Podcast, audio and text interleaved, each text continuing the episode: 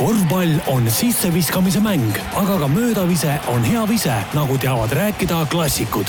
õigel hetkel aitab aja maha võtta ja asjad selgeks rääkida Optibett, sest algamas on korvpall kahekümne nelja taskuhäälingu saade Möödavise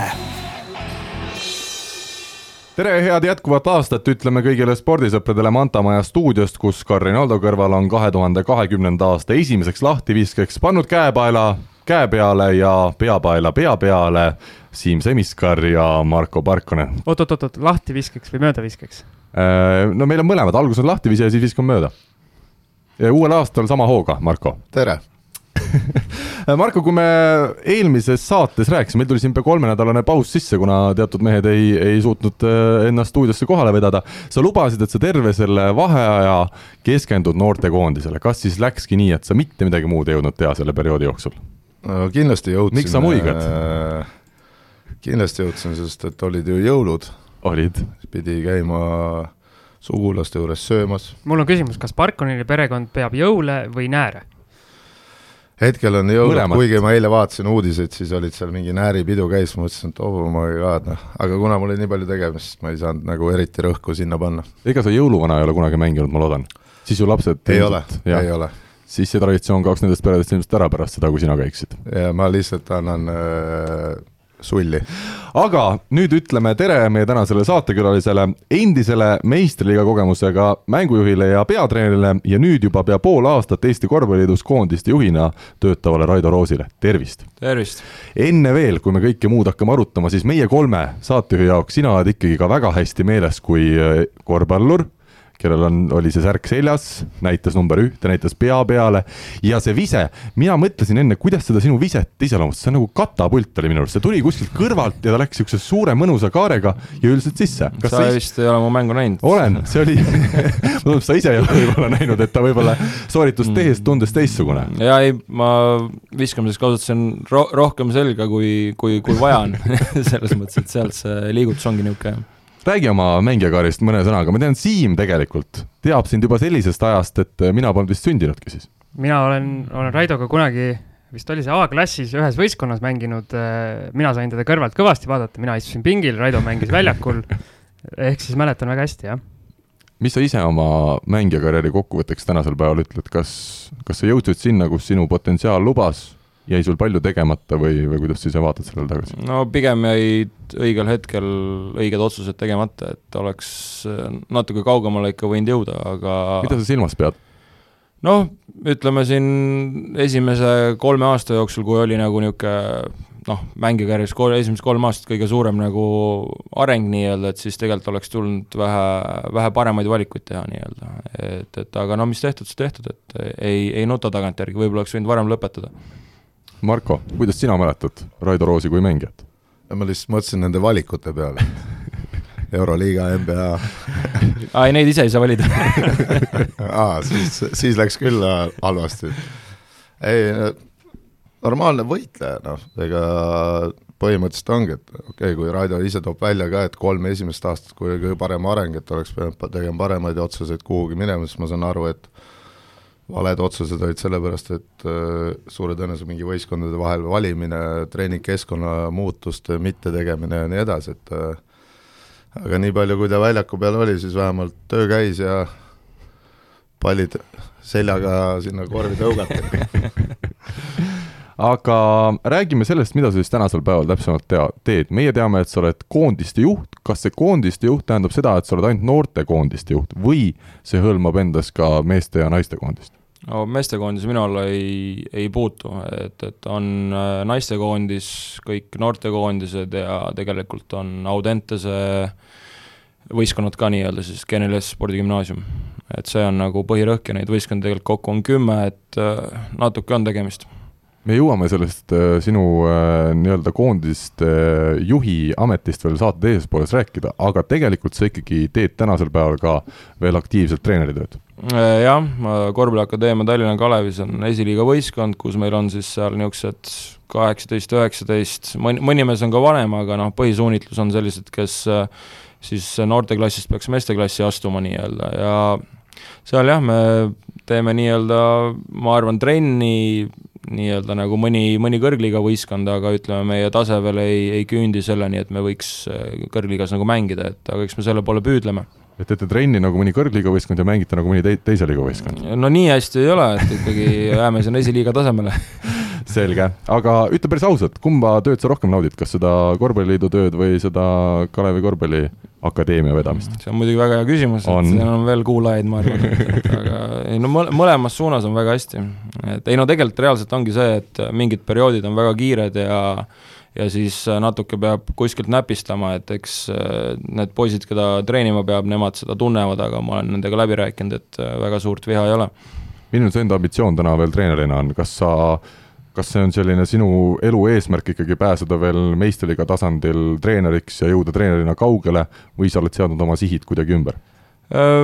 selles mõttes ütleme, Eestis on see ring on suht kinnine tegelikult, et noh, oodata ja tahta ikka võib, aga teine asi on see, et kas see on nagu võimalik reaalsuseks teha, et kindlasti ei ole nii, et oled visanud selle treeneri asja nurka ja teed muid asju, et kui hetkel on võimalik kahel rindel tulistada, siis praegu ma annan minna Lähed meistriliigasse peatreeneriks, kolme kuu pärast öeldakse, et kuule, et ei sobi, on ju, ja siis on kõik sillad põlenud see on hea diil täna on juba mitu aastat möödas sellest, kui sa TLÜ Kalevit äh, juhendasid peatreenerina, siis pärast seda, kui Kalle Klandorf seal ühel hetkel astus vankri pealt maha ja siis pärast sind tuli ka korraks jälle tagasi ja, ja siis juba Gerd Kullamäeni jõudis see kord, ole hea, tänasel päeval ikkagi mõni aasta hiljem, ma usun, et sa oled valmis sellest võib-olla rääkima natukene rohkem, mis toona valesti läks või, või miks sind sealt äh, TLÜ Kalevist vallandati, vist õige sõna või? Mm, no ikka võib öelda vallandama, ega see on, sa muidu pole peatreener, kui sind pole lahti lastud nii-öelda. kas see, nagu sa ütlesid, et äh, sa tegid liiga palju nende harrastajatega trenni, kas see oligi tegelik põhjus?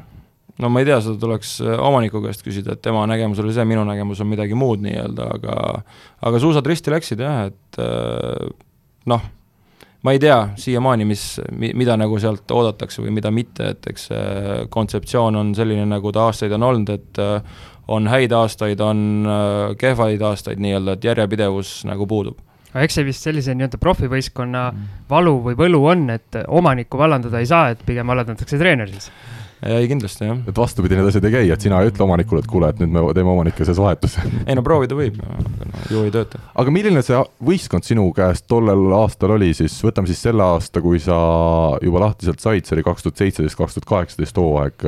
kas see meeskond oli potentsiaalikas või hakkas seal juba natukene sellest meeskonnast endast pihta, et, et kuidagi need asjad jälle ei, ei klappinud? no eks oleneb jälle vaatenurgast, aga no ütleme, mängijatega hiljem nagu rääkides, et eks paljud on nagu tunnistanud ka seda, et ega töö kõrvalt oli nagu keeruline või noh, isegi raske mingi hetk, aga noh, põhimõte on ikkagi selles, et äh, minul on oma nägemus, kuidas äh, võistkond hooajaks ette valmistada, see tähendab seda, et sa esialgu ei ole kõige paremas seisus nii-öelda, et sul on, läheb esimene kuu võib-olla vähe aia taha, aga maitse asi nii-öelda, et mõni tahab, et oled kohe teravas tipus ja siis kukud äh, kuskil jaanuar-veebruar ära, et see on nagu natuke olulisem periood minu arvates, kui see hooaja algus, et, et sealt need äh, asjad hakkasid vähe viltu nagu minema. et klubi tahtis, et Raido Roos on meil peatreener ja esimesest mängust peale hakkame mänge võitma ja kõik on hästi? nojah, põhimõtteliselt küll nii jah, et ütleme noh, kõiki mänge nagu ei, ei kaotanud, aga ütleme äh, noh, sellised mi-, mingid mängud olid võib-olla natuke suurema miinusega, kui, kui oodati, aga noh, tead, see on alati suhteline, et noh, et kui sa või-, võidad kaheksaga, öeldakse, sa pead kahekümnega võitma, noh et kui sa mängu nagu ei jälgi, siis võib-olla see kaheksapunktiline võit oli sellepärast, et sa panid ka selle banketiseltskonna sinna sisse ja läks vähe teistmoodi, noh. Sa ütlesid, et see ring Eestis, nii-öelda meistriliiga klubide peatreenerite ring on nii väike.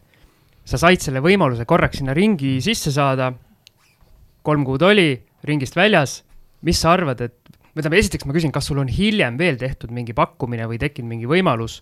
Ja mis sa arvad, et kas äh, sinna ringi tagasi saamiseks peab midagi eraldi tegema, on see no ei, see ring on ikka jätkuvalt sama suur nagu ennem, et selles mõttes, et pigem on küsimus lihtsalt selles, et äh, õigel hetkel õiged inimesed kuskil võistkonna juures, kellega sul on võib-olla hea side, sind äh, kasutatakse, kutsutakse tagasi, aga siis kui see kaks tuhat seitseteist, kaheksateist hooaeg läbi sai, siis tegelikult Valga tegi pakkumise nii-öelda, aga kuna rääkides eelmise peatreeneriga seal väga pikalt ja laialt, et siis situatsioon kahjuks ei olnud nagu muutunud peale seda, kui mina seal mängisin, et sellest on natuke aega nagu möödas juba, et, et siis jäi see otsus tegemata, et äh, võib-olla oleks pidanud selle vastu võtma, et julge hundi rind on auklik, on ju, aga ma ei teinud seda ühesõnaga, et ma valisin teise variandi me võime öelda siin, et me istume siin nagu kahekesti, kaks niisugust Valga meest, kes siin pakkumisi saavad, aga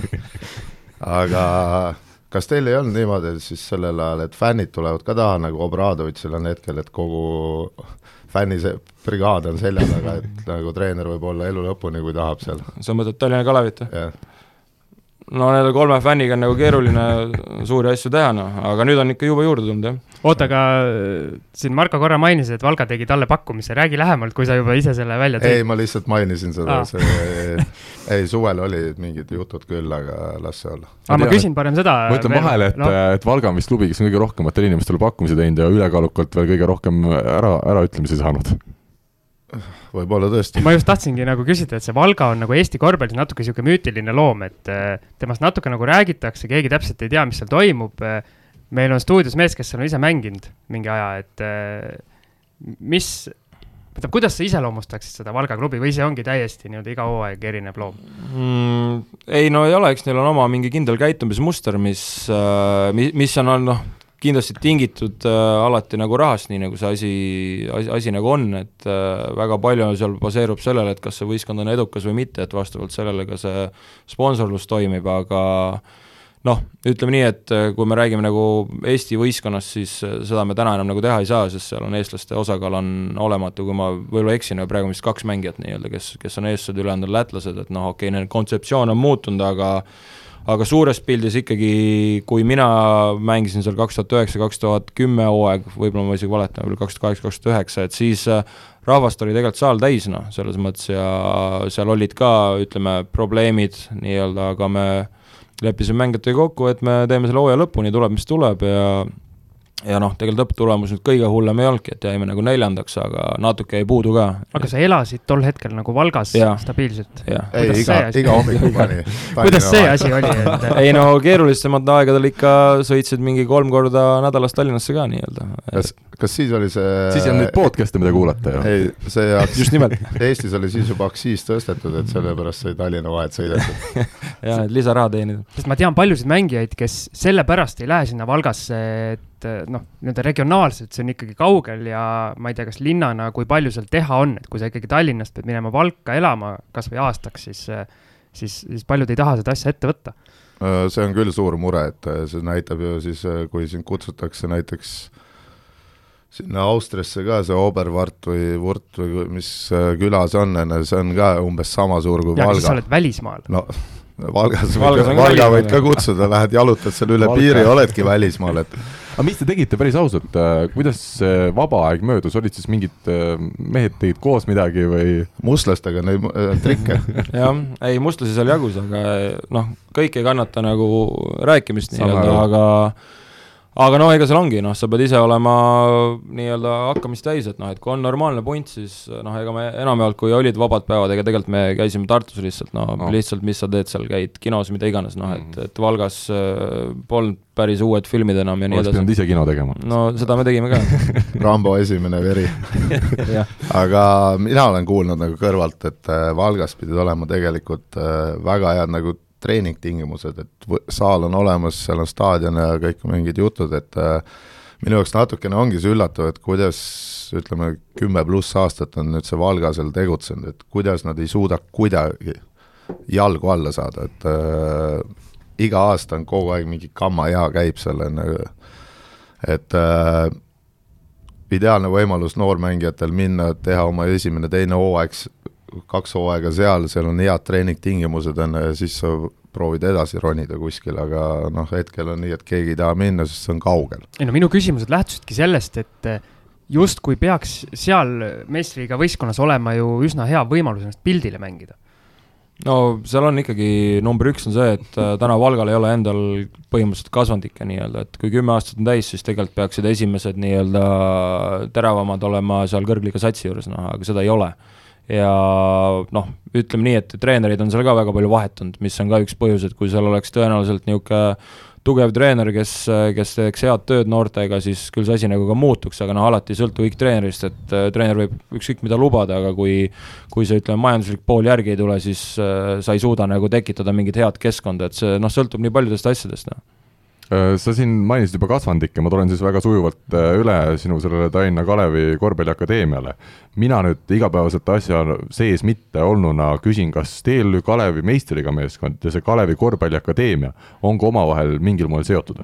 ei, enam ei ole, see on nüüd siis aastast kaks tuhat seitseteist enam koostööd ei ole. nii et TLÜ Kalevil ka sellist nii-öelda noorte püramiidi tänasel päeval absoluutselt siis ei ole või? no nii, sellisel, niisugust küll jah, selles mõttes, et äh, Peep Pahvi kasvandikud seal mängivad nii-öelda, et ma ei tea, mis, mis kokkulepped seal on, aga noh, mida mi,, mingi, mingeid nooremaid seal ikka kaasatakse mm. -hmm. aga ühesõnaga, ka see TLÜ Kalevi kontseptsioon iseenesest on tänasel päeval minu jaoks vähemalt natukene selline küsitav, et ega ma väga täpselt aru ei saa, et mis see nagu eesmärk või ülesanne sellel klubil on, et kuhu nad tahavad ja mida nad tahavad täpselt saavutada ja teha? no eks seda tuleks tegelikult reaalselt küsida sealt nendel asjaosaliste käest nii-öelda, et aga noh, pikka aega ta on olnud see võistkond, kus lõpetavad mängijad äh, mängivad ja noh, nii on neid asju aetud mm. -hmm. kas võrreldes selle ajaga, kui ütleme ikkagi Kalle Klandorf oli seal A ja O, ja võrreldes siis tänase päevaga, kui Sten-Erik Janson on klubi juht, kas, kas ta on ka väga palju muutunud klubina või on ütleme, põhiasjad või selline olemus on jäänud samaks? Mm, ma ütlen, ma ei ole õige inimene vastama, ma näen seda protsessi kõrvalt ja parem on küsida härra Jansoni käest, et ta on asjaga rohkem kursis. fänne on juurde tulnud, ennem ta ütles. on, on, on, on. aga ma arvan, et meil on aeg äh, minna saate teise osa juurde.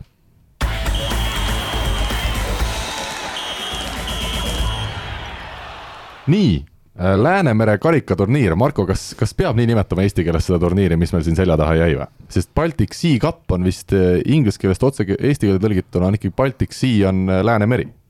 jaa, seda võib, võib nimetada eesti keeles ka ühesõnaga, Marko oli seal nii kaua, kui seal pikerolli ei panda või seda, mitte pikerolli, vaid kate kates, siis võib nimetada. ja ma saan aru, et te kõik kolm olite seal aktsioonis, Marko oli tüdrukute treenerina, Siim oli fotograafina, ajakirjanikuna ja Raido, sina siis jälgisid, et koondised kõik äh, teevad asju õigesti, jah? just nii. igatahes äh, võtame siis järjest läbi äh, Eesti poisid said neli võitu, kaks kaotust, tüdrukud ühe võidu, viis kaotust. minu esimene küsimus on see kas ja kui suur osa nüüd nendes koondistes oli meie paremaid noormängijaid kohal, selline väga lai küsimus. kas see olenes koondisest või oli seal ikkagi igas vanuseklassis mingit paremat puudu?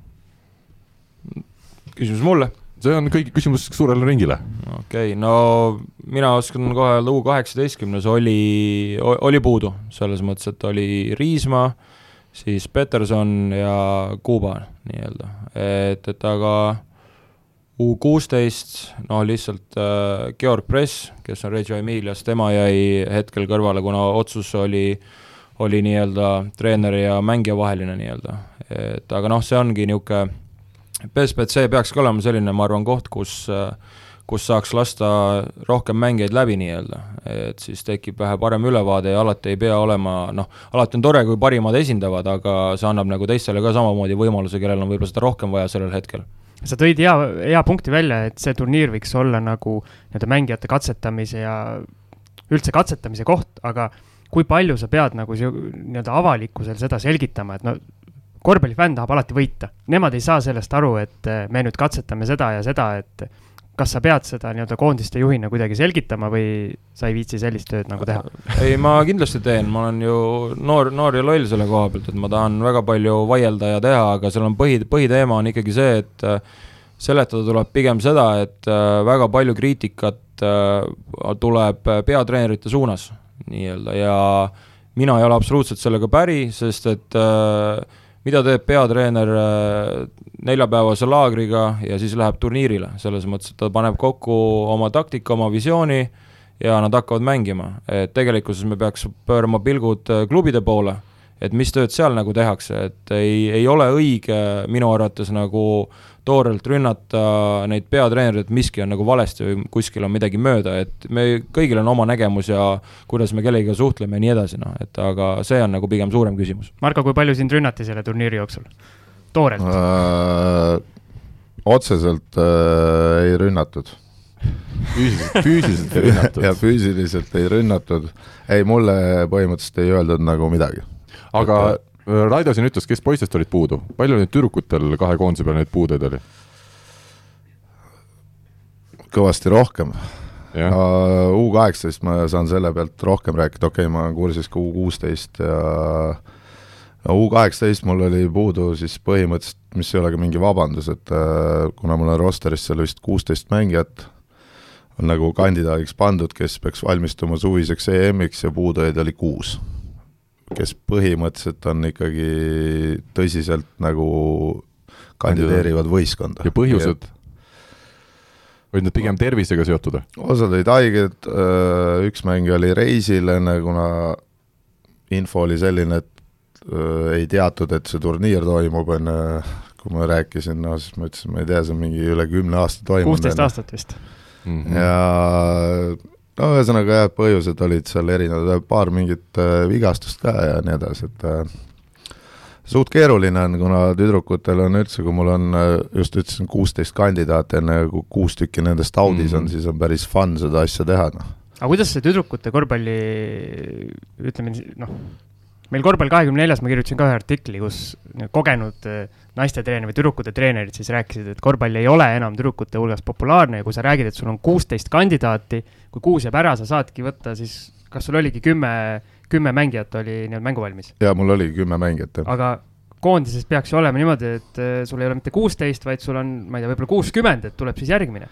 Äh, no jaa, ma oleks võinud kutsuda sealt veel paar mängijat juurde, aga ma ei näe selles erilist pointi, sest et ma tean nende taset, noh. Mhm. et äh, ma kuusteist on need, kes, kellega ma olen arvestanud, ju, ja hetkeseis vist võib minna lõpuks nii, et kuna tase on niisugune, nagu ta on, et võib-olla ma pean hakkama sealt U kuueteistkümnest veel paart mängijat võtma, kes õpivad näiteks Audente spordigümnaasiumis, kuna nad treenivad seitse-kaheksa korda nädalas, on ju, siis nad võivad olla kolme-nelja kuu pärast äh, hoopis teisel tasemel, mis nad on praegu, nii et nad võib-olla kannat-, löövad need U kaheksateist mängijad sealt välja ma lihtsalt kuulajale ütlen vahepeal siis, või Siim veel küsib ära midagi? ja ma küsiks Raido käest, et kas, kuidas poistel see, see olukord on, et kas siis ma küsin enne oma asjad No. ära. ma ütlen vahele kuulajale lihtsalt, et U kuusteist tüdrukud äh, kaotasid siis kõik kolm mängu korvide vahe kokku miinus seitsekümmend kaks, U kaheksateist tüdrukud said ühe võidu, see oli siis Rootsi üle seitsekümmend üks, kuuskümmend üks, aga kaotasid ülejäänud kaks mängu selgelt kokku korvide vahe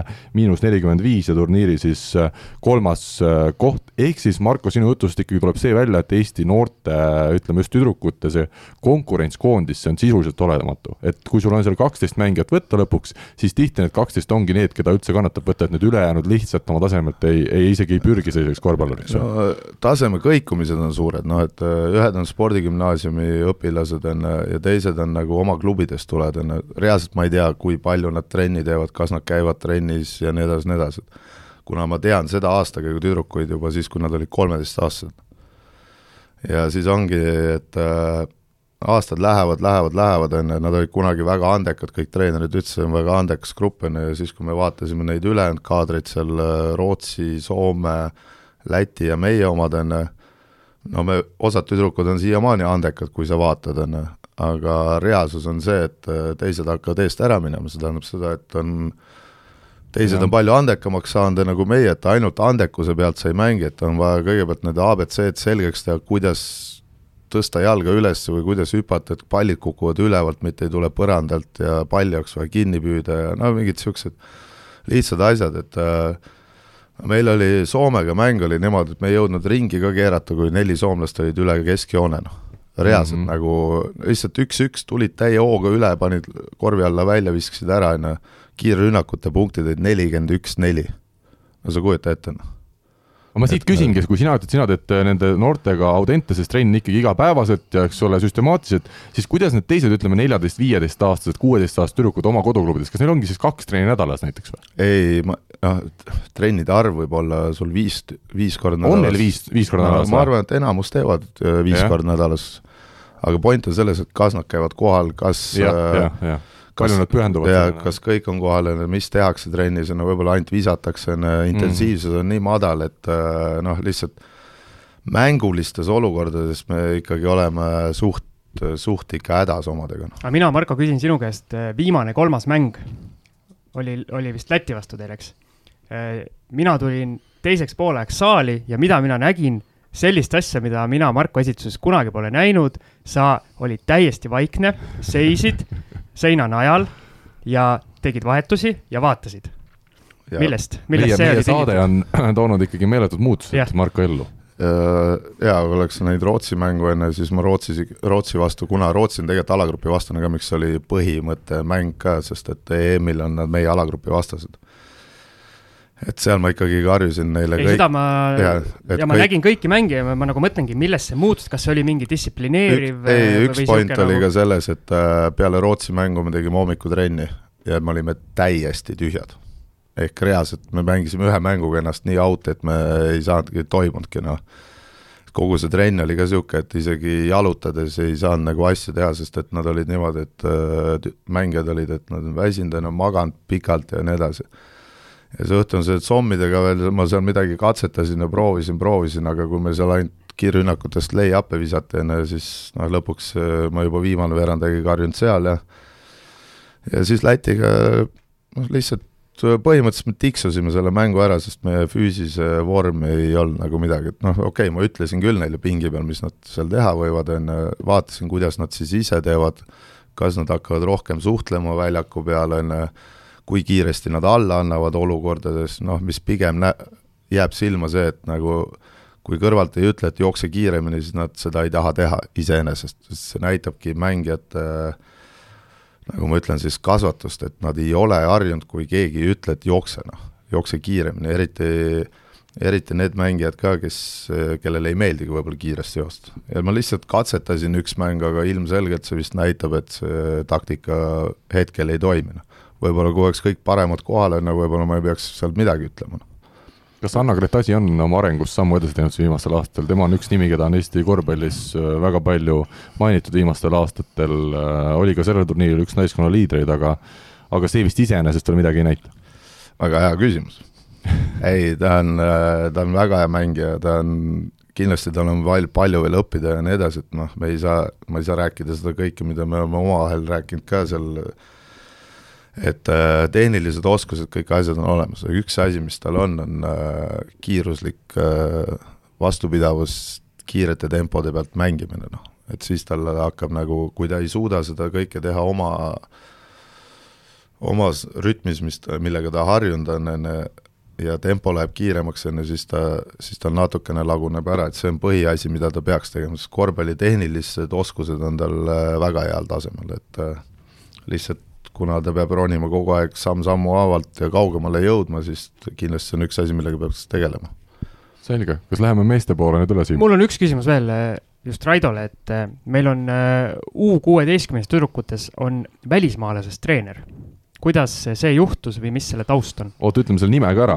Ütle selle nii raske nime, et mina- mina mina ütlen ei nii, et ta on äh, pärit sealt äh, ütleme siis Serbia kandist, eks ole, ja nimi, eesnimi on Predrag. See on lihtne. jaa, aga nüüd perenimi on Stanojtšitš, väga hästi, ongi nii jah? jah, Nonii, lihtne siis on, kui on vaja tõlki, siis ära mind võta, sest ma serbia keelt ei räägi. okei okay., ei tegelikult äh, ise kandideeris äh,, ta töötab äh, Korvpalliakadeemia Tallinna Kalevis tüdrukute U kuusteist, U kaheksateist võistkondade juures ja kui avasime selle pea, noh, nii-öelda konkursi koondise treeneritele, siis ta tegi oma ka kandidatuuri sinna ja siis äh, juhatusest käis see läbi ja sai heaks kiidetud, et äh, mina iseenesest arvan, et tal on äh, piisav pikk kogemus tüdrukute ja naistega töötamisel nii-öelda, mida, mida ei tohiks üldse alahinnata ja mi-, minu isiklik arvamus on, et see on väga, väga okei valik tegelikkuses he- hetkeseisus, et eesmärk oli leida koondistele niisugused tugevad juhid nii vaimselt äh, kui ka siis oma juhtimisoskuste poolest, et sellist äh, me võime rääkida jah, et tüdrukutel peab kätt silitama ja kõik peab hästi olema, aga tegelikult reaalsus on ka see, et äh, tüdrukud väga hästi nii-öelda reageerivad sellele, kui neil on konkreetsed juhised, konkreetsed asjad. et äh, noh, aga see on jälle niisugune põhimõtete küsimus, et mina arvan, et see on väga okei okay,, aga mõni ütleb, et võib-olla ei ole noh. U kuusteist, ma küsin sellise küsimuse, kas need tüdrukud, nad ei ole kõik ju pealinnast või, või kuskilt suurematest linnadest pärit, kas nad inglise keelt kõik räägivad selles suhtes tänapäeval juba ilusti, et, et selles suhtes mingit probleemi ei ole? ei, üldiselt äh, ei tundu olevat, see pigem on küsimus äh,, jääb nagu korvpallialaste teadmiste taha, ehk siis põhi, põhiteadmised äh, nii-öelda on need taktikalised või on need individuaalsed, et see on sest noh, lõppkokkuvõttes üks keel on meil kõigil, kes tegelevad korvpalliga, on korvpallikeel, et noh, et neid termineid, asju on juba väga palju siin eesti keeles segunenud seal inglise keelega, et nagu kate kattest. jah, mis on oluline, sest kui on pikerroll, siis pahal vanatreeneril tõmbab ikka tuju pahaks nagu. selge. nüüd äh, siis poisid, U kuusteist äh, vanuseklass sai meil ühe võidu, võideti Lätit seitsekümmend kolm, kuuskümmend üheksa, kokku ikkagi kolme mängu peale see ainsaks võiduks jäigi ja miinus kolmkümmend üheksa korvpall või korvide vahe. nüüd mina küsin alustuseks, kas Läti Läti U kuusteist, kas nad tulid siia mingi juhusliku koosseisuga või Läti noorte korvpall ongi täna nii kehvas seisus või? no tundub, et ütleme, kui me võtame ainult eelmise suve järgi, siis on, seis on tegelikult päris keeruline, tundub nii-öelda, et ega ma läbi ja lõhki ei tea, võib-olla Marko oskab seda täpsemalt kommenteerida, aga nende mm, kõik EM-id, mis nad tegid poiste osakonnas, läks ikka väga aia taha. mina rääkisin äh, sellesama turniiri jooksul äh, meie meestekoondise uue peatreeneri Jukka Toialaga ja tema väide oli ka, et äh, lätlaste noorte korvpallis on mingi mõõn, mõõn praegu just äh, nendes, nendes vanuseklassides nagu käimas, et äh, ma ei tea, kui palju, kui palju see arvamus siia juurde annab? ja ma rääkisin ka Läti treeneritega seal ka, et U kaheksateist brigaadiga siis, ja nad ütlesid ka, et nad tõid võrdluseks Sommidega mängu, kui mängisid U kuusteist seal soomlastega ja siis ka nende enda U kaheksateist, et äh, nad tõid võrdluseks selle, et äh, nemad oskavad mängida ainult palliga, lätlased nagu.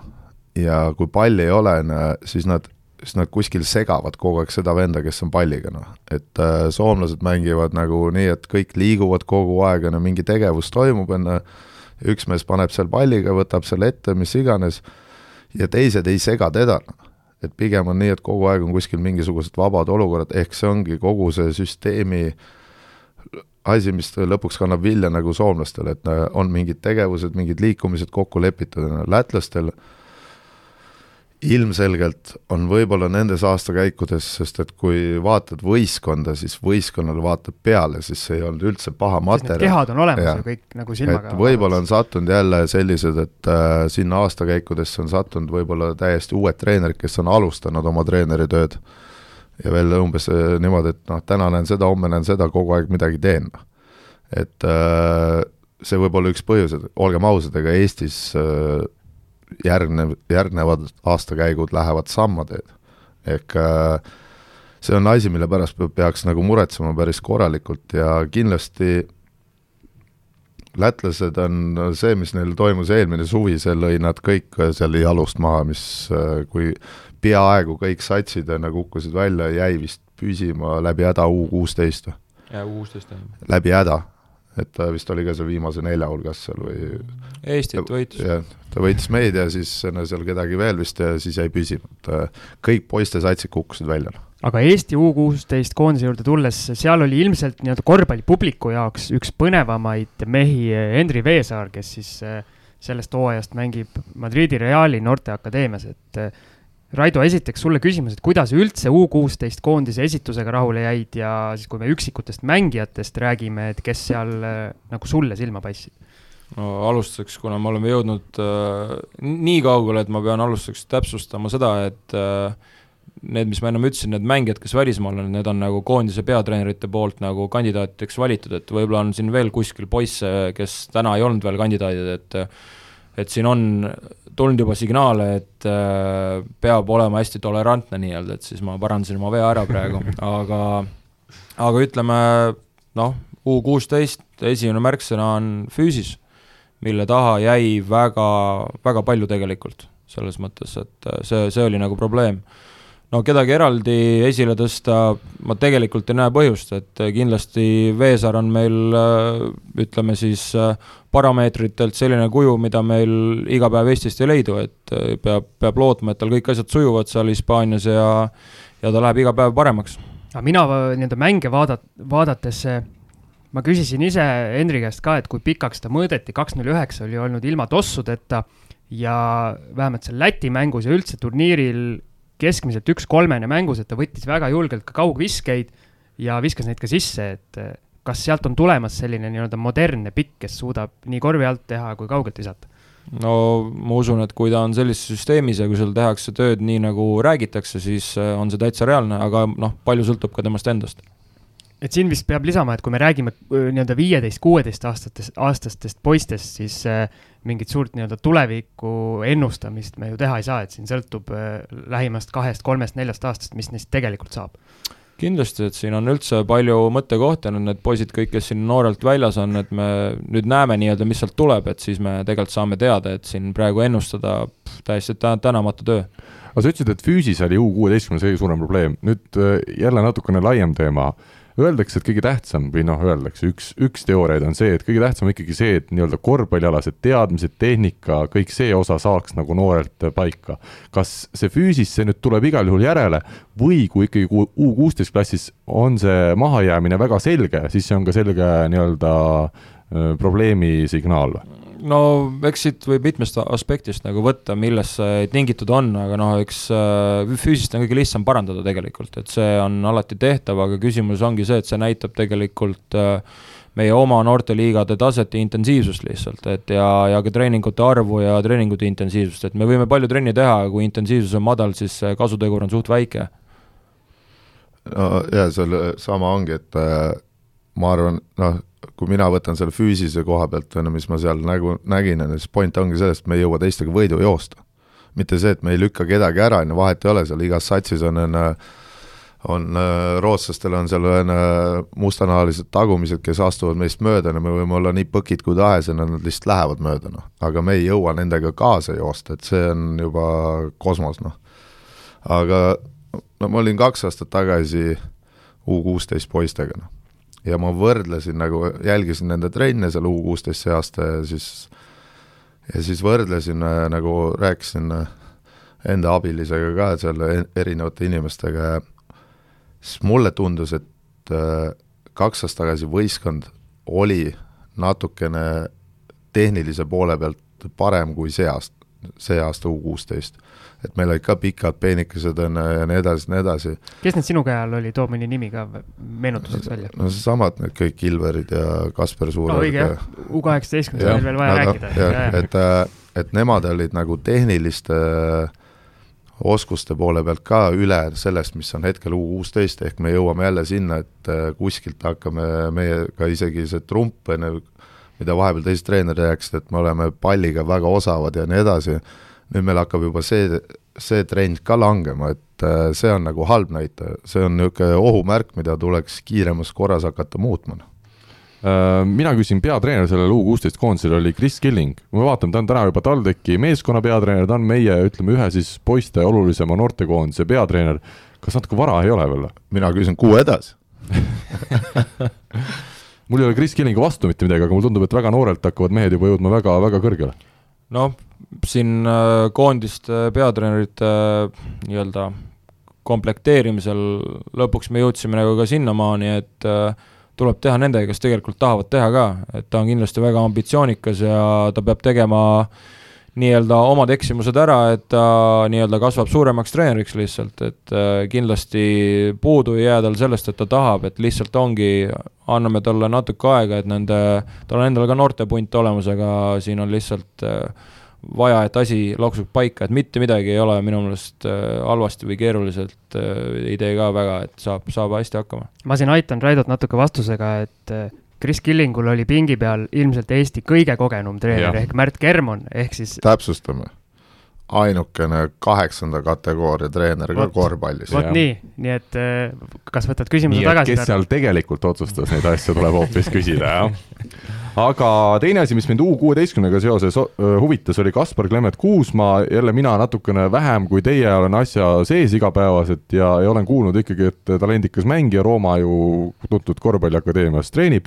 Ja ma vaatasin, et kogu turnuur, turniiri peale kolmekümne kahest peale viskas kuus läksid sisse, kaheksateist oli see protsent.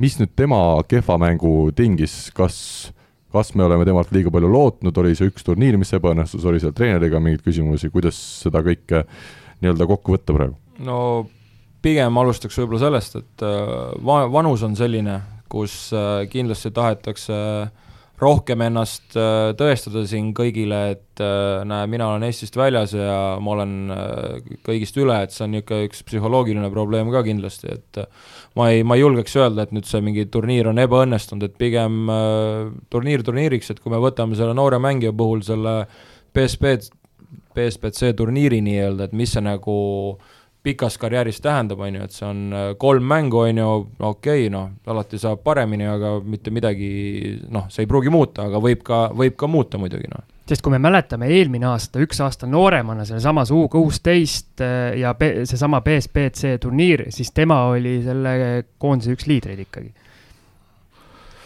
jaa, see lihtsalt praegu, kui sa vaatad teda, siis ta on esiteks ta füüsiline vorm nagu kehaliselt on tugevamaks läinud, ehk äh, ta viskab äh, viskeid, võtab juba hüppe pealt enne, noh, niisugune meil isegi U kaheksateist kutid ei võta hüppe pealt viskeid enne, aga viskeprotsent on nagu kahe otsaga asi ka, et äh, nii palju, kui ma nägin seda, ma ei näinud neid hästi palju, sest kuna mul endal hakkas seal mäng ja nii edasi ja nii edasi, et ta ikkagi rabas seal päris nagu selliseid viskeid ka, mida polnud vaja võtta, mis viivadki tegelikult protsente alla, et äh, kuna tal on tegelikult selles mõttes pea olemas, et ta ei põe, kui ta mööda viskab.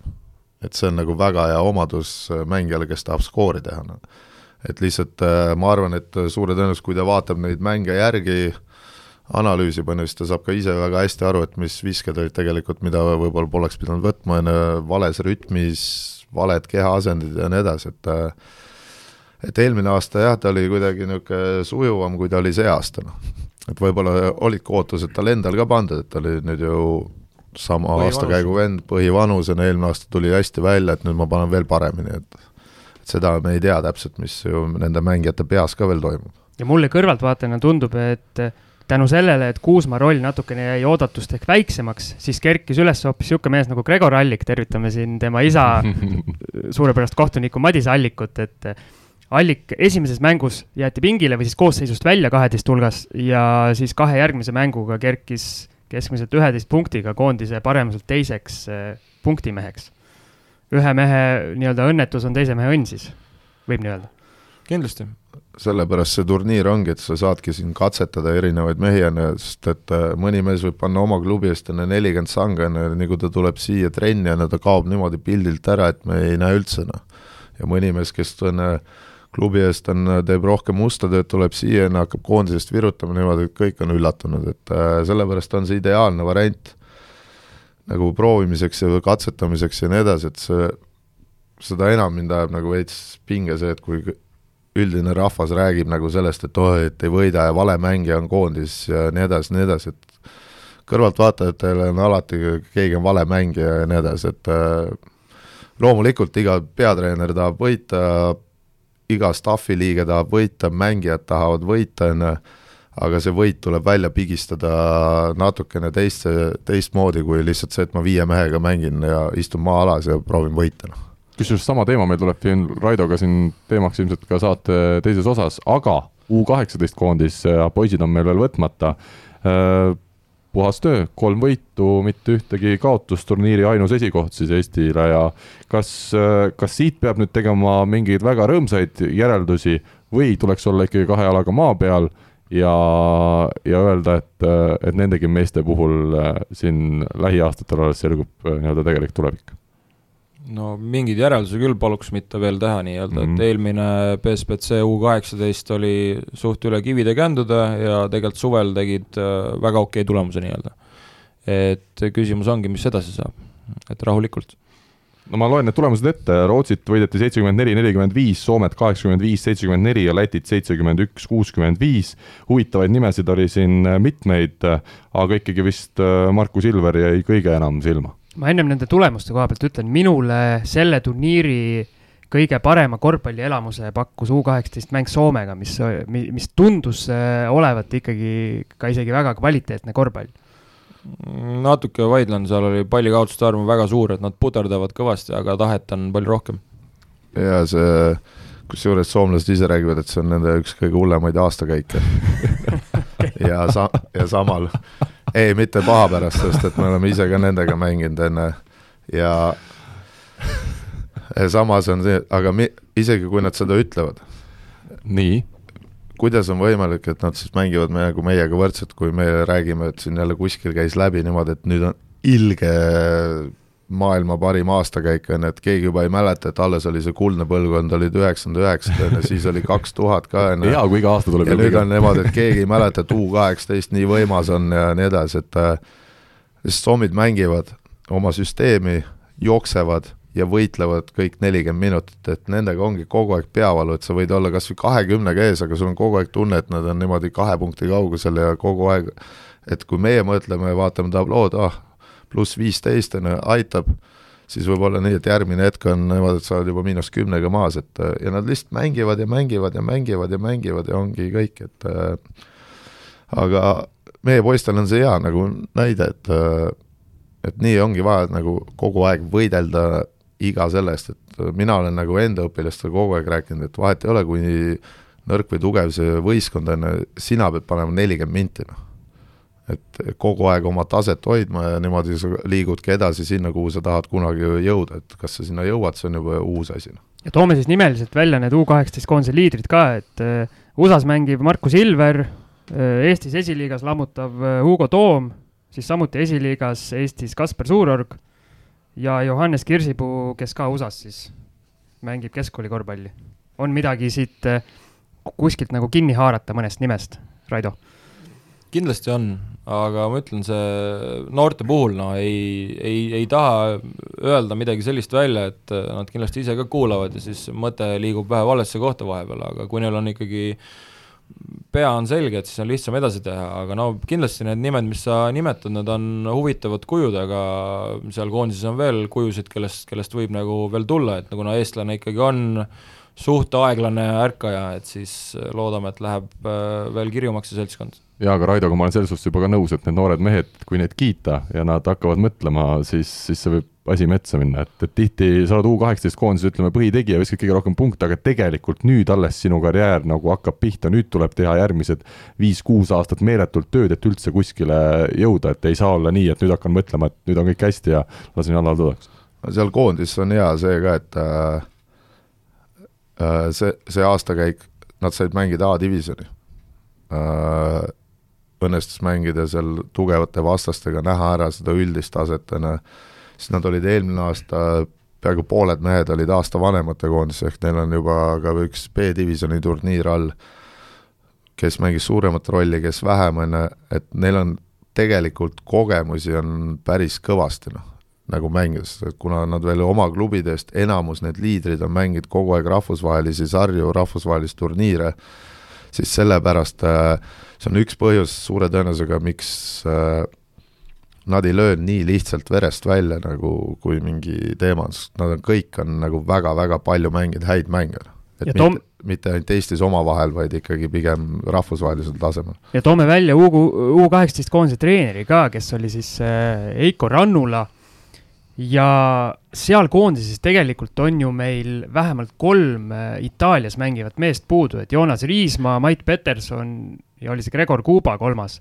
et äh, kui need nimed sinna juurde liita, kellest siis kaks on ikkagi korvialused mehed, kus äh, võib-olla kõige rohkem see king seekord pigistas, et kas suvisel EM-il võiks see U kaheksateist koondis panna eesmärgiks endale tõusta tagasi A-divisjoni?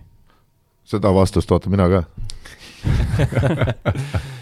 ei no kõigepealt ongi, et äh, alati, kui mängijaid puudu, tõuseb äh, keegi teine esile, noh, et pigem ongi küsimus, et kui need äh, nüüd lubatakse suvel klubide juurest ära ja nad liituvad koondistega ja tulevad esimesed äh, kontrollmängud, eks me siis saame tegelikult aimu, noh, ja üldjoontes äh, ma siiralt loodan, et see tugevdab seda olukorda, aga meil ei ole nagu koondistel ainult üks eesmärk, et me peame kõik mängud võitma ja siis me oleme ilgelt head tegijad, et kui me selle arvelt kaotame siin mängijaid nii nii-öelda, et me õudselt punnitame midagi, et siis äh, see ei ole ka hea.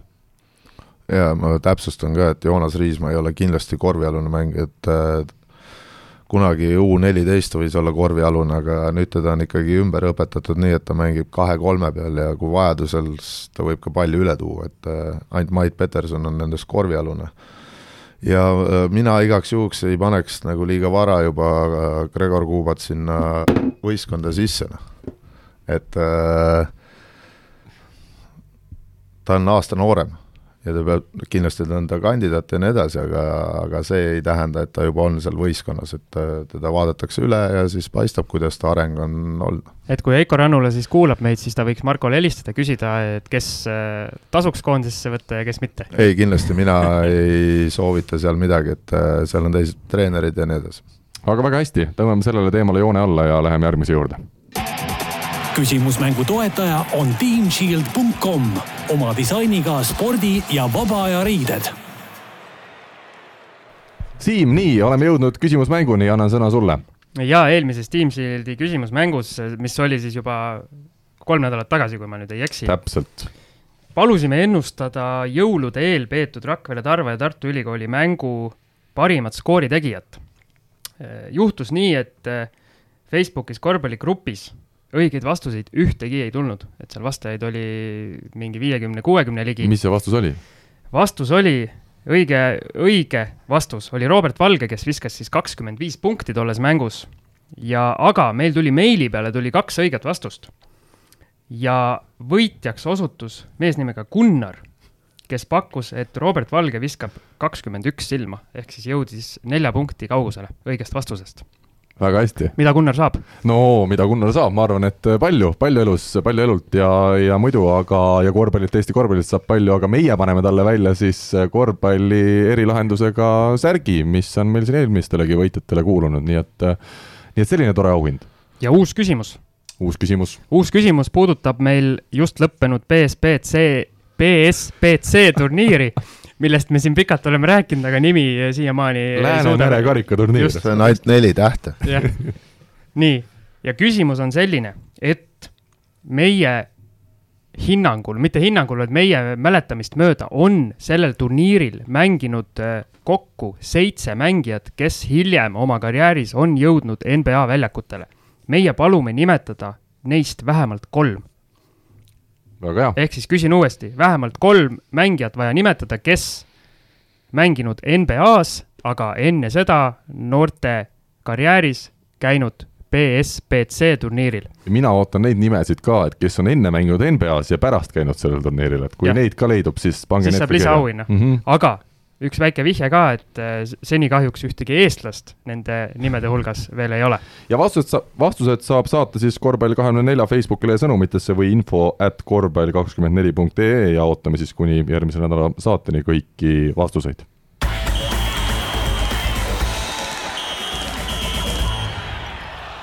saate teine osa, meil on palju aega kulunud, aga kuna meil on no head mehed saates, siis mul on ainult hea meel selle üle. Raido, räägime natukene treeneri ametist, räägime sinu tööst Korvpalliliidus, aga enne veel ma küsiks Jukka Toiala, meie uue rahvusmeeskonna peatreeneri kohta.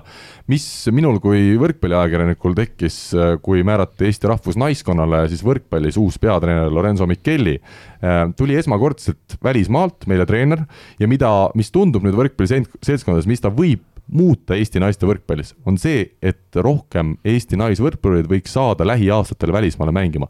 kuna naiste võrkpallis meil Eestis puudub profiliiga, kus üldse ükski mängija palka saaks, siis äkki selline variant, kus on välismaa treener, kes on väga palju tugevaid välisklubisid juhendanud, võiks seda muudatust aidata tuua, siis kas Jukka Toiala näol võiks olla sarnase nii-öelda tüübiga tegu või on tema ikkagi olnud nii vähe, ütleme sellistes suurtes klubides, minu teada vist kui Soome välja arvata, vist on ainult Rumeenias, Rumeenias Bukarestist Jauat juhendanud kaks hooaega, et seda muudatust me sealt äh, loota ei ole nagu mõtet?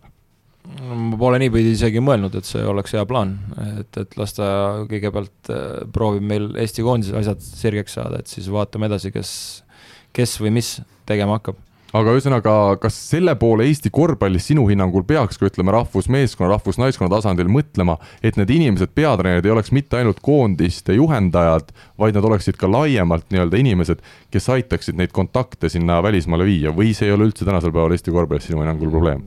no ma ei oska nagu võrkpalli näitel seda kommenteerida, aga noh, üldjoontes ikkagi tundub, et siin mängijate liikumisega tegelevad agendid ja no. agentuurid nii-öelda, et noh, et see treeneritel muidugi, et nad kui on Eesti koondises äh, mängijaid, kes neile sümpatiseerivad ja sobivad tema mängujoonisesse ja kui ta ise on, ma ei tea, Real Madridi treener, et noh, võib-olla ta ikka võtaks ta kaasa, on ju, aga noh, see on nagu, see on nagu palju loota tegelikult. ütleme jah, meil meestekoondises võrkpallis just see need, et Georgi Kretsu käe alt põhimõtteliselt väga paljud koondised oma üleminekuid tegid, nii need, kes mängisid Eestis jälle siirdusid välismaale, kui ka need, kes tegelikult välismaal klubisid vahetasid, kuna Kretsu on olnud seal mitukümmend aastat Euroopa võrkpallis sees, siis ta aitas tänaseks päevaks, vist meil on umbes nelikümmend Eesti võrkpallurit mängimas välismaal meie mehed-naised kokku. et äh, lihtsalt mul tekkis selline mõte iseendal, aga see loomulikult ei tähenda, et see korvpalli näitel kohe peaks samamoodi rakenduma või no, olema. keeruline, ma arvan, kohe hakata midagi muutma. selge, aga räägime nüüd sinust endast äh, kui me võtame uue peatreeneri koondisele, siis on tal eesmärgid korvpalliliidu poolt seatud, nii see peab olema umbes tehtud siis tulemuse osas, nii peab arendama mingeid mängijaid, mingi idee on olemas, kui tuleb koondistele uus juht, kes siis sina tänasel päeval oled, millised ülesanded või eesmärgid on sinule korvpalliliit seadnud?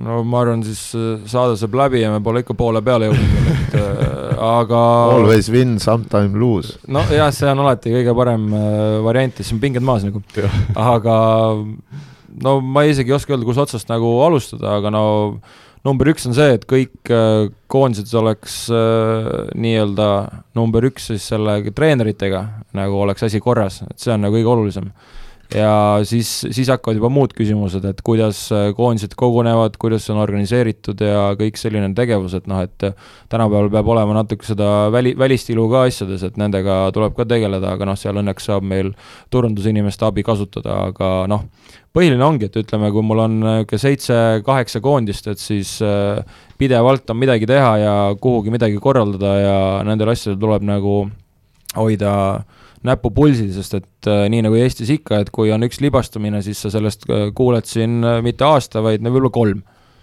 ma küsin väga lihtsalt vahele, meil on tänapäeval hästi moodsad nimed, koondiste juht ja nii edasi ja projektijuhid, me teame, kas sinu kohta võib siis ka lihtsalt öelda, sa oled asjaajaja koondiste juures või? et ma mitte ebaviisakalt, ma ei taha kõlada, aga, aga lihtsalt, sina oled see, kes peab panema need koondised lihtsalt kõik äh, toimima ja, ja tegutsema või? no ütleme nii, et minu eesmärk tegelikult Äh, on niimoodi, et igal koondisel on äh, mänedžer, abitreener, on ta siis abitreener, mänedžer, ükskõik kumba pidi me võtame, et äh, saada iga koondise autonoomseks, et tegelikult ei ole reaalne, et üks inimene vastutab kaheksa võistkonna eest, noh, ütleme, üks päev tulla ei saa, et siis kogu üritus kukub kokku, et tegelikult see võtab väga palju energiat, et saada need inimesed ühele lehele nii-öelda, et me kõik teeme nagu ühist asja nii-öelda, et ja mis selle eesmärk on, sest tihtipeale on nii, et noh, et Äh, tegevused äh, mõne mänedžeri jaoks on nagu täitsa uued, noh, see võtab aega, sul endal on võib-olla rohkem tööd, aga noh, kui ma lõpuks selle suudan nagu ellu viia, siis äh, see elu läheb palju kergemaks. mina tahtsin küsida umbes samasuguse küsimuse, aga selle nurga alt, kui te nüüd istute siin Marko Parkoniga kõrvuti, kas see on ülemuse ja alluva suhe või mingi muu suhe? Hetkel Marko noogutab. Ma ei tea, mille peale ta noogutab, aga hetkel ülemuse alluva suhet ei ole, et äh, aga sa oled ju koondiste juht ja Marko on ühe koondise peatreener. jah, aga Audentes spordigümnaasium on ka, kuna on leping on Korvpalliliiduga, siis tegelikult Korvpalliliit on äh, nagu minu tööandja. et ma saan aru, et Marko tunnetab seda ülemuse-alluva suhet. kui, kui käed on higised juba. kui Marko ütleks siin midagi väga kehvasti praegu, väga valesti, siis sina võiks põhimõtteliselt pärast saadet öelda Markole, et aitäh, et olid. ei no aga... vaibale, vaibale kutsutakse. ei, ta ütleb, et lõika välja no, see on teine variant. tark mängumees teeks nii, on ju. okei. Äh, aga meil on live, nii et yeah.. kas see koondiste juhi amet on ikkagi aastaringne siis, et sa seda tegemisi on sul hoolimata sellest, et ütleme, järgmine koondise periood on mingitel noortel siin nüüd ütleme praeguse hetkega siis mitme kuu pärast alles? No ikka, noortekoondis, noh, mis on, ütleme nii, U neliteist ja U kuusteist koondised, need kogunevad, osad tihemini, osad, osad mitte, ütleme, aga noh, niisugune põhirõhk on ikkagi suve peal, noh, aga siin ütleme, kõikidele koondistele varustuse tellimine, ükskõik mida, noh, et see, neid asju tegelikult lõpuks koguneb nii, et sul on kogu aeg midagi teha, et pigem alati, kui mõtled, et nüüd vist on korra, saad hingata, siis tegelikult on nii, et tuleb uksest mingi uus üllatus ja saad teha nii, et vähe ei ole palju sulle neid kõnesid tuleb, kas siis treenerite või lausa noortekoondislaste endi poolt, et äh, näed, et äh, Raido, et kas mulle need treener ei meeldi või mulle see uued dressid ei meeldi või palju sul selliseid kõnesid tuleb? no ütleme nii, et äh, kahjuks või õnneks ikkagi tüdrukute poole pealt tuleb päris hästi kõnesid, selles mõttes, et on, on, on, mida arutada ja, ja mida lahendada nii-öelda, et ma ei osanud arvatagi, et noh, kuna ma olen ise nagu kogu aeg poiste ja meeste treener olnud, et ma ei teadnud, selliseid probleeme on olemas, aga noh, täna ma tean, et noh. no too ja... mõni näide, mõni helgem näide, mitte ei pea nüüd kõike siin välja rääkima no sa oskad hästi küsida, noh, seal on väga, väga, väga, väga tundlikud teemad on, aga no ja. no põhimõtteliselt on ikka jah, et äh, küll ei ole treener õige ja küll on, äh, ütleme nii, et et siin, et äh, ka treenerid õigeid valikuid koondisesse nii-öelda, et noh, selle üle me saame alati vaielda, et no see jääb subjektiivseks alatiseks vist, aga, aga noh, eks siin on veel, veel, veel peenemaid teemasid, aga ma neid kahjuks siin arutada ei saa. mitu kõnet on tulnud Marko Parkonini kohta, et treener ei ole õige kõnesid ei, ei olegi tehtud, et on äh, Sõnum näost pandud. näkku on lihtsam rääkida sellel, sellel teemal, aga aga mina toetan Markot ja selles mõttes, et sama siin, et kõigile, me ei peagi kõigile meeldima, kui me tahame midagi muuta. aga veidi tõsisem küsimus, et kui palju on Eesti noorte korvpallis sellist asja, et, et lapsevanemad üritavad sekkuda sellesse asja, et üritavad hakata ise koondist komplekteerima ja suruma oma võsukest sinna, sinna tiimi, et kui nagu tõsine probleem see on? no just BSBC aeg oli niisugune väga pikk vestlus mul äh, sellel samal teemal nii-öelda ja tegelikult see on üsna aktuaalne, et noh, et äh, ma nagu ei karda oma arvamust välja öelda ja selle eest seista, et siis võib-olla on natuke vähem neid jutuajamisi, aga ma olen aru saanud, et äh, siin varasemalt on nagu ka ikkagi väga julgelt nagu surutud, aga no see tuleb enamjaolt ikkagi tüdrukute poole pealt nii-öelda. et poiste osas on siin mõned üksikud äh, juhtumid, mis on nagu, nagu olnud. ja kindlasti on meil see nurk ka, et äh, noorte treenerid tahavad ka oma oma lapsi näha kogu aeg koondises või oma õpilasi näha koondises no,? pigem siin ütleks küll, et mina ootaks nagu treeneritelt jõhkralt suuremat suhtlust koondise treeneriga, et see on nagu natuke puudulik, et et muidugi mulle võib ka alati helistada ja öelda, näe, et see poiss oleks võinud olla, aga treener ootab seda, et keegi helistab, võib-olla tõesti jääb midagi, keegi märkamata või on oma nägemus, et äh, aga pigem on see, et kõik me nii nagu eestlased oleme, oleme kõik suured ja tähtsad inimesed, et aga tegelikult tuleks suhelda palju-palju rohkem. et võib olla täitsa selline situatsioon kuskil Eesti nurgas äh, keegi toimetab, võib-olla mängib mingeid mänge, aga tuleb koondise treener, kes ei ole kursis selle mängija reaalse tasemega ja see mängija võib-olla jääbki teenimatult koondisest välja. jaa, absoluutselt, noh et siin praegu viimasel ajal just, äh, mis ongi olnud, oli Tormi Joonatan Metsla, niisugune Saaremaa poiss Orissaare spordiklubist, et äh, keegi ei teadnud temast mitte midagi nii-öelda, okei okay,, täna ta on meil Eestist juba väljas, aga mõte on nagu selles, et äh, polnud absoluutselt ülevaadet, et selline huvitav kuju on olemas, noh. ta oli seal Orissaare selle staadioni kuulsa puu taga võib-olla. jah, ja ma räägin siis, kui käis seal äh, nii-öelda kaard, kaardistamine oli oli väravvaht aga ei, selles mõttes, et äh, igal juhul mina kutsun üles, et treenerid peavad suhtlema julgemalt, et ei ole siin midagi, et äh, noh, ei ole ju õiget ega valet vastust, et see on nagu põhiline. Marko, ma tean, U kaheksateist sarjas tüdrukutes on vist Eestis neli noortevõistkonda, et kas kõik neli nende võistkonna treenerit enne koondise komplekteerimist käivad sinu juurest läbi ja pakuvad oma mängijaid? see ei ole nii, sest seal on neli võistkonda küll, aga enamus on ju kaks aastat nooremad või kolm aastat nooremad mängijad, nii et äh, seal on pigem on maks kahe võistkonna jagu põhiaastakäigu mängijaid, nii et et sina no, ei pea väga nii-öelda treeneritega vestlusi pidama? ja kui mul ongi ainult viieteist hulgast või kuueteist hulgast valida mängijaid, siis ma kutsun kõik koondisse, kes veel saalis käivad, noh. aga kuidas siis tekib see, nagu Raido ütles, et tüdrukute poolel just see asi, et keegi nagu arvab, et äh, on äh, jäetud koondisest välja, kes peaks seal tegelikult olema no,? suure tõenäosusega, no ma ei tea, mul ei ole otseselt seda, noh, mul on olnud varem no, nooremate koondistega selline, et see on äh, väga hea, et ta viskab mulle hästi palju punkte ja nii edasi, aga point ei ole selles, et sa viskad oma klubi eest palju punkte, noh point on selles, kuidas sa üldistest asjadest aru saad ja ja niimoodi on, et äh, no eks ikka mõni mängija jääb üle, on ju, mõni mängija saab võib-olla oma treenerite arvates liiga palju mänguaega, aga ta ei ole võimeline võib-olla seal koondise laagris üldse mitte millegagi silma paistma, et ta tegelikult kaob pildilt ära, kuigi ta on oma treeneri käe all, on ta väga hea mängija, et äh, ma olen olnud erinevate vanuste, nii poiste, tüdrukutega, et neid on väga palju mängijaid, kes, liidermängijad, kes kaovad nagu ära, sest nad ei kannata konkurentsi. ja siis neil hakkavadki seal oma peas mingid mõtted, ma olen väga hea, siis nad hakkavad seal tegema kõiki asju nagu teistmoodi, nagu treenerid nõuavad midagi või nad, võib-olla nad pole üldse kursiski nende asjadega ja siis nad kaovadki pildilt ära, et äh, vähemalt koondise ajaks ja siis koduklubi treenerid kindlasti pole rahul mul seda probleemi enda mängijatega ei ole, kui mu poisid ei saa mängida või neid ei kutsuta, siis no, tähendab, ma olen, mina olen selles süüdi, et neid ei kutsuta. või nad ei ole vastavalt nii palju panustanud või kui nad ei saa mängida, siis ma saan nende käest küsida, siis suure tõenäosusega on nad ise süüdi. kui näiteks ütleme, U kaheksateist koondises võetakse mult mängijad ja nad saavad mängida seal seitse minutit, kuus minutit, siis tähendab, mingi viga on kuskil nendes endas.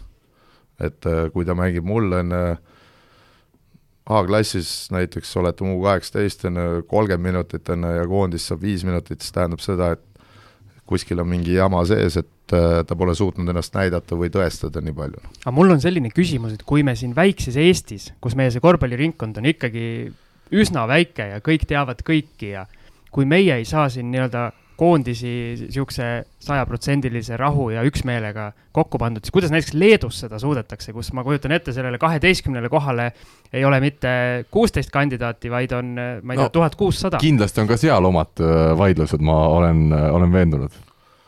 on igal pool lapsevanemad, treenerid, äh, mängijad, kõik on, no Leedus on, Leedus ehitati üles päris hea süsteem, noh et seal äh, neil nagu eksimusruumi eriti ei teki, ma toon näite, näiteks tüdrukud on tõusnud kõikide võistkondadega A-divisjoni nende aastate jooksul. soomlased on seal, lätlased on seal, me püherdame veel kuskil äh, mudas, on ju. ja siis on niimoodi, et äh, nad tegid U15 programmi enne seda aasta aega nad seal käivad, jälgivad kogu, kõik Leedu mängijad läbi ja no siis tehakse neile kämp sada mängijat, järgmine päev on viiskümmend mängijat ja sealt valitakse kaksteist välja, aga kõik on üles kaardistatud, keda jälgitakse. ja see U viisteist näiteks äh, on niimoodi ka, et nad saavad kuskil mängida, alati nad korraldavad viimase, nad teevad nagu viis laagrit ja viimane laager on viis-viis äh, laager ja neil on turniir, kuhu nad kutsuvad äh, nii poistele kui tüdrukutele kolm riiki ja siis nad mängivad veel ühe turniiri U viisteist. ja nad juba seal hakkavad selekteerima, vaatavad, kellele panustada, kellele mitte, noh ilmselgelt mõni mängija kasvab hiljem välja ja nii edasi, noh et ma arvan, et nemad ikkagi seal U kaheksateist noh, nad ei pane seal võib-olla eriti palju mööda, ilmselgelt mingile treenerile meeldib, üks mängija rohkem, on ju, teine vähem või käib tema taktikaga kaasa, on ju, üks on nii, et tahab ainult uhada, on ju, võib-olla treener tahab ainult korvi alt saada power layup, et et ja ma arvan, et Leedus võib tegelikult see veel hullem olla, sest et seal mängijaid rohkem on et kui seal ülejäänud üheksakümmend välja jääb, siis kõik arvavad, et no mis asja, et see on palju parem kui see, et paneb mul kolmkümmend sanga, mul paneb nelikümmend, sinu vastu pani viiskümmend, on ju, noh et minu vastu pannaksegi viiskümmend alati tavaliselt. no ilmselgelt. kuule, aga Marko, kas ma sain õigesti aru, et Eesti U kaheksateist tüdrukute meistrivõistlustel on neli naiskonda praegusel hetkel ja nendestki paljud on veel nii-öelda, mängivad noorematega yeah.? ma võtsin praegu lahti Eesti tüdrukute võrkpalli U kaheksateist karikavõistlused, kakskümmend seitse naiskonda jagatud kuude tsooni me ei saagi rääkida mingist naiste korvpalli järelkasvust, andke andeks, kui meil on, kui meil juba U kaheksateist vanuseklassis on nii vähe mängijaid alles üldse jäänud. jaa, no mina olen rääkinud kogu aeg oma põhjustest, aga ma ei, või tähendab, mida ma arvan ja, või näen või see on minu arvamus, mis põhjused seal taga on, on erinevate mängijate käest kuulnud mingisuguseid asju, noh, vahet ei ole, aga ma olen seda korvpalliringkonnas seda kogu aeg rääkinud, on ju, noh, öeldakse, et tegelikult ei ole asi see aga siis võrgule palju õnne, kui teil kakskümmend seitse võistkonda. ei no seal on teine probleem võrkpallis, et kuni U kaheksateistkümneni, kuni kooli lõpuni on palju mängijaid ja siis saab kool läbi, on vaja minna kas tööle või ülikooli, äkitselt on neid mängijaid sisuliselt alles ei jäägi. sellepärast ma seal Audentes neid kõiki piitsutangi, et mu eesmärk on päästa siis nii paljud, kui sinna tulevad ja nendest kolme-nelja aastaga õpetada neile nii palju asju selgeks kui vähegi võimalik, et nad kannataksid või tahaksid edasi mängida, et kui ma ikka ei oska mitte midagi teha, siis olgem ausad, ega ei taha küll. väga hea, meil on aeg jooksnud peale ja väga kiirelt veel vaja võtta ette saate viimane teema.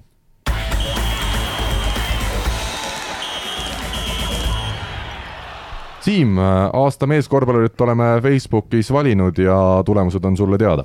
Jah, ja mina ütlen, et tulemused on äh, oodatud, oot-, oodatud selles mõttes, et ette, etteaimatud. mis sul viga on täna? ma puterdan ainult, ma ei tea, noh. ei ole hullu midagi. Siim-Sander Vene on äh, meie Facebooki grupi lugejate arvates Eesti eelmise kalendriaasta, ma toonitan, kalendriaasta parim korvpallur. sai ta sada üheksateist häält mis te mehed ütlete? siin ei olegi vist väga midagi öelda. Kui meil ainus mees ikkagi nii kõrgel tasemel on mänginud, siis see on ainuõige valik. et eelmise hooaja lõpetas siis Euroliigas, see hooaeg alustas Itaalia, Itaalia kõrgliigas. juba selle eest oleks võinud anda talle ka eraldi tiitli, et ta sai selle Euroliigas nii palju nurgast nurka joosta ka, et eh, noh, et ei, aga ilmselgelt, kui kõik on teda valinud või enamus ja need on vist päris kindlalt äh, jah, ta sai rohkem kui poolega, võitis, võitis selle, ütleme siis aunimetuse. aga järgmine mees on küll huvitav. ja järgmine mees on Kristjan Kitsing, kes sai viiskümmend kaks häält ja mina nagu oma peas mõtlesin, et kas ta sai need hääled selle eest, et ta oli eelmine hooaeg äh, VTB liigas äh, üks parimaid kolmese mehi, selle eest, et ta seal Eesti-Läti liiga pronksimängus tõi Cramole täiesti lootusetust olukorras selle medali välja või hoopis millegi muu eest. seal võis olla kõik asjad kokku, tead, Siim. mina arvan, et enamus on hääletanud sellepärast, et on see hooaeg raamat, seda eelmist hooaega juba suured fännid ei mäletagi ja nad kõik vaatavad, oh, spetsialistid, et äh, räige areng on toimunud, aga minu meelest oli see areng juba eelmine aasta hakkas peale, nii et nagu noh, et kõik mõtlevad, et oh, aga ma arvan, et see on sellepärast, et on Graamos see hooaeg äh, sügisel hästi mänginud, et ma vaatasin Kitsingu hääli ka, et kes need hääled on andnud, muidugi seal üks hääl oli nii-öelda, et veri on paksem kui vesi, et vend Kaspar Kitsing oli ka andnud Kristjanile no hääle pere, pererahu huvides Jah. ikkagi tuleb, tuleb teha õigeid valikuid. ja neljas või vabandust, kolmas koht neljakümne ühe häälega, Janari Jõesaar, jah, vaikus kannab. nii ta oli. eelmine hooaeg äh, läks, läks Gramost Hispaania kõrgliigasse, seal käis meil mees saates ka, saime teada, mis seal juhtus, miks seal läbilööki ei toimunud, nüüd Gramos tagasi, aga mängib äh, siin ja. ikkagi ja me peame ikkagi meelde tuletama, et kui me ütlesime, et Vene on meil selgelt kõige kõrgemal tasemel mängiv eestlane tänasel päeval, siis samas see, mis mänge saavad Jõesaared, Kitsingud ja teised Kalev Cramo mängijad iganädalaselt VTB ühisliigasse, on ka ikkagi sinna Euroopa tippu kuuluv, ütleme seal ju. nagu me teame, nii mitmed, mitmedki klubid on täielikult äh, Euroopa paremad. Ja ülejäänud mehed siis said äh, juba selgelt vähem hääli, et äh, Kas- umbe- ega Raido- ega Raido ei saanud mingit, lihtsalt mõtlen, et ei olnud. ta ei mängi, Raido, sa ei mängi mingit madalamat liigat täna, ei, nii palju mõistust on. aga, aga ei kutsu väljakule tagasi või? see on alati ikka kutsub, aga millal sa muidu vigastada saad siis? õige, ikka väljakul. millega sa ennast täna Raido vormis hoiad? no jooksen, teen kergelt jõusaali, rahulikult, selge. mõistusega. Marko, millega sina telefoni, ennast- telefonikõnesi vastu, jooksed eest ära. õl, õlg on haige. Marko, millega sina ennast vormis hoiad, kui hoiad? no trennis pean vahepeal ette näitama, puterdan selle ära, teen seal rohkem pallikaotusi kui varem, nii et noh, nii ta läheb, aga eks ma proovin ka selgeks asjad saada. üks asi veel, mis mul tuli praegu meelde seal BSBC, BE, no mis iganes turniiril, suur pahandus. mis iganes turniiril on ju, mis meil siin just lõppes, sul oli ka, vist oli kaks neidu, kes olid äh, nii-öelda mänguvormi selga ei pannud ja sina andsid neile kätte paberid ja mapid ja pastaka. ja selgitasid neile enne esimest mängu midagi hästi pikalt. mida sa neile selgitasid, mida nad üles pidid Neil märkima olid seal mängu kodused ajal? ülesanded tegemata, ta andis, Nad tegi- pidid tegema seda Walt Disney nagu multikaid, kuidas keegi jookseb, et sa pead järjest ära, ei no eks meil on seal võistkonna sees, nad äh, pidid märkima, ma üritasin neile ära seletada, millega nad said päris hästi hakkama. Et äh, mida nad märgivad ja, ja siis, et pärast mängu saaks vaadata või poole ajal, et aga see on mingi nagu lisastatistika sinu jaoks jah nagu, jah, jah, et äh, ma katsetan, sest et äh, ma ei tahaks, et nad, keegi passib seal niisama enne, lihtsalt enne jääb pingi peal magama, et pigem nad harivad ennast ka sellega, et kui nad üritavad nendest asjadest aru saada, mida nad kirja peab panema. lõppkokkuvõttes ega seda saab kontrollida ainult video pealt ja aga ma arvan iseenesest, et äh, isegi kui nad seal eksisid paariga, paari olukorraga või mis iganes enne, siis äh, reaalselt üldine pilt oli nagu väga hea, sest aga, aga räägime konkreetselt, ma olen tegelikult treeneri, treeneritega suht palju rääkinud sellest nii-öelda advanced statistics või kuidas seda nimetatakse, et eh, ongi need abitreenerid seal märgivad midagi. väga paljud ei taha konkreetselt rääkida, mis asja seal kirja pannakse, mida seal loetakse. ma tean nii palju, et Indrek Reinbok, Kalev Cramo abitreener, mulle kunagi rääkis, see oli eelmisel hooajal vist, et tema üks ülesanne näiteks pikkade puhul on panna kirja lauda minekuid ehk siis mitte lauapalle palju kätte saadakse, vaid neid olukordi, kui palju pikk mängija läheb ja üritab seda lauapalli saada. Aga mis sa- need asjad veel on, mida kui kirja sa ei lähe, siis no sa ei saa ka seda. okei okay,, no me tegime niimoodi, et äh, üks mängija pidi kirjutama meie niinimetatud ründemängus, pidi kirjutama söötja, sellepärast mulle meeldis seda veel eriti, et äh, näiteks pallikaotus, mis oli vahelt äh, lõiked vastasel või siis nagu käest kätte hand-off'i, kui nad mängisid, kui keegi pani keha vahel, võttis palli ära, ühesõnaga need pallikaotused, mis number tegi, söödu ja kellele. ja siis ta pidi ise otsustama, see, kes tegi statistikat, kumma viga see oli sööt on alati süüdi, on äh, jah, aga enam ei ole alati sööte süüdi, et äh, ja siis seda oli päris huvitav vaadata, kuidas nad olukordadest nad lihtsalt tegid enne nende arvates, et kumb äh, eksis ja no põhjused on lihtsad, et kas ta ei tule vastu sulle pallile, kas ta jookseb liiga aeglaselt, meil olid seal niisugused pointid pandud ja nii edasi. ja teine, teine tüdruk, siis kirjutas äh, ründemängust et äh, aga las see olla, et noh, mis asjad toimuvad, mis ei toimi, mida me saame sealt ja nii edasi, nii edasi, et äh, aga Raido, sama küsimus sulle, et sa oled ka nii-öelda kõrgliiga klubi juures töötanud. Ma ei saanud Või ise statistikat teha. ei saanud jah? sa ainult said karjuda mängijate peale? kuidas sa ei saanud? ma ei jaksa, ma pärast tegin. ma olen, ma olen proovinud ise teha, sest et äh, Tartus on Olari Naarits, nii et tervitame teda, ta teeb ise mängu vahel statsi. ta on nii kõva vend. et nagu karjub, vaatab, vahetab enne ta koolitab kohtunikke.